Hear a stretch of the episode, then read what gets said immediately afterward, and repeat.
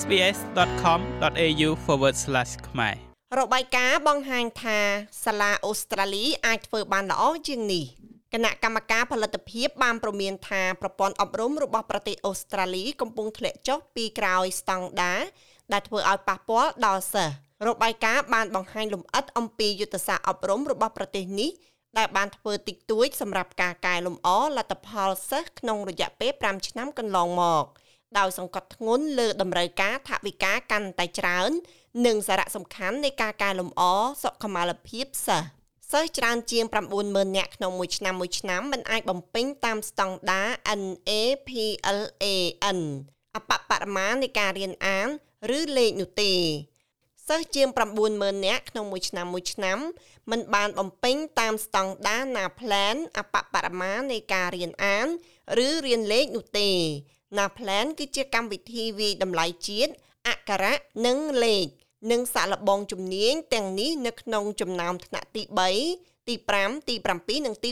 9នេះបើយោងតាមរបាយការណ៍ដ៏គួរឲ្យរន្ធត់មួយដោយគណៈកម្មការផលិតភាពនៅក្នុងការពិនិត្យឡើងវិញ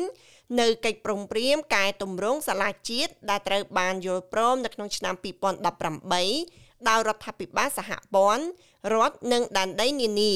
កិច្ចប្រឹងប្រែងនេះកំណត់គោលដៅសម្រាប់ការកែលម្អលទ្ធផល ដែលផ្ដោតទៅលើការផ្ដល់មូលនិធិដោយផ្ទាល់នៅក្នុងផ្នែកដែលបង្កើតឲ្យមានសមិទ្ធផលរដ្ឋមន្ត្រីក្រសួងអប់រំសហព័ន្ធលោក Jason Clear មានប្រសាសន៍ថា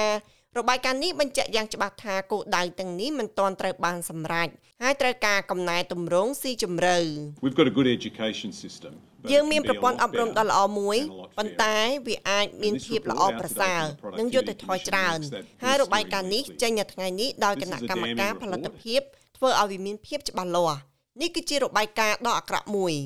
គណៈកម្មការផលិតភាពបានរកឃើញផងដែរថា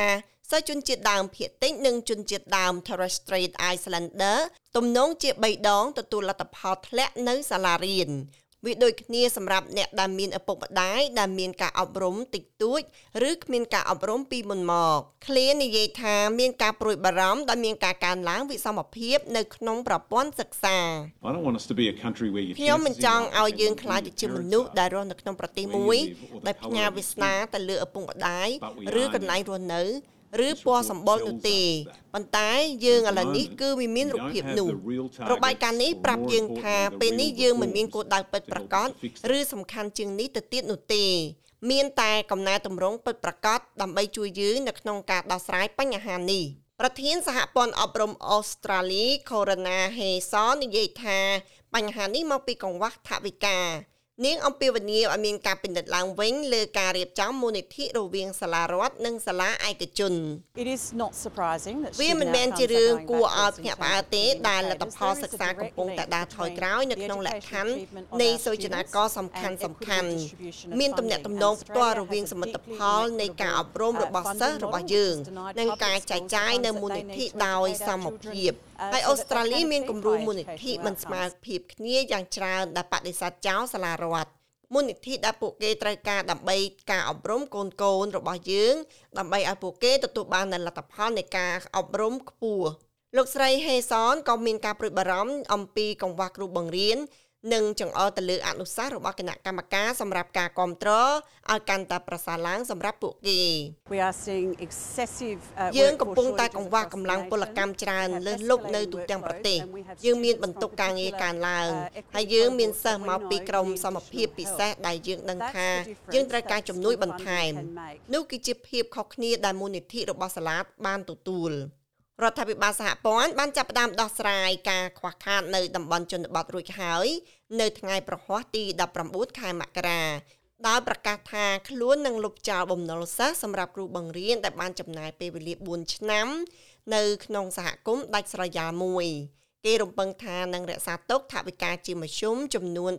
35,000សម្រាប់អ្នកទទួលផលភ្លាមៗរហូតដល់2000នាក់និងគ្រូបង្រៀនចំនួន5000នាក់បន្ថែមទៀតដែលនឹងមានសិទ្ធិទទួលបាននៅឆ្នាំ2024ឥឡូវនេះរដ្ឋាភិបាល Albanese នឹងរៀបចំការឆ្លើយតបចំពោះរបាយការណ៍ដ៏អាក្រក់នេះលោកគ្លៀននិយាយថាលោកនឹងប្រកាសនៅក្នុងពេលឆាប់ៗមួយទៅកាន់ក្រុមអ្នកជំនាញដែលដឹកនាំការអភិវឌ្ឍនៃកិច្ចប្រឹងប្រែងកំណែទម្រង់សាលាជាតិបន្ទាន់ The The report is not telling us to rip money របាយការណ៍នេះមិនមែនប្រាប់យើងឲ្យដកលុយចេញពីសាលាដែលត្រូវការវាច្រើនជាងគេនោះទេ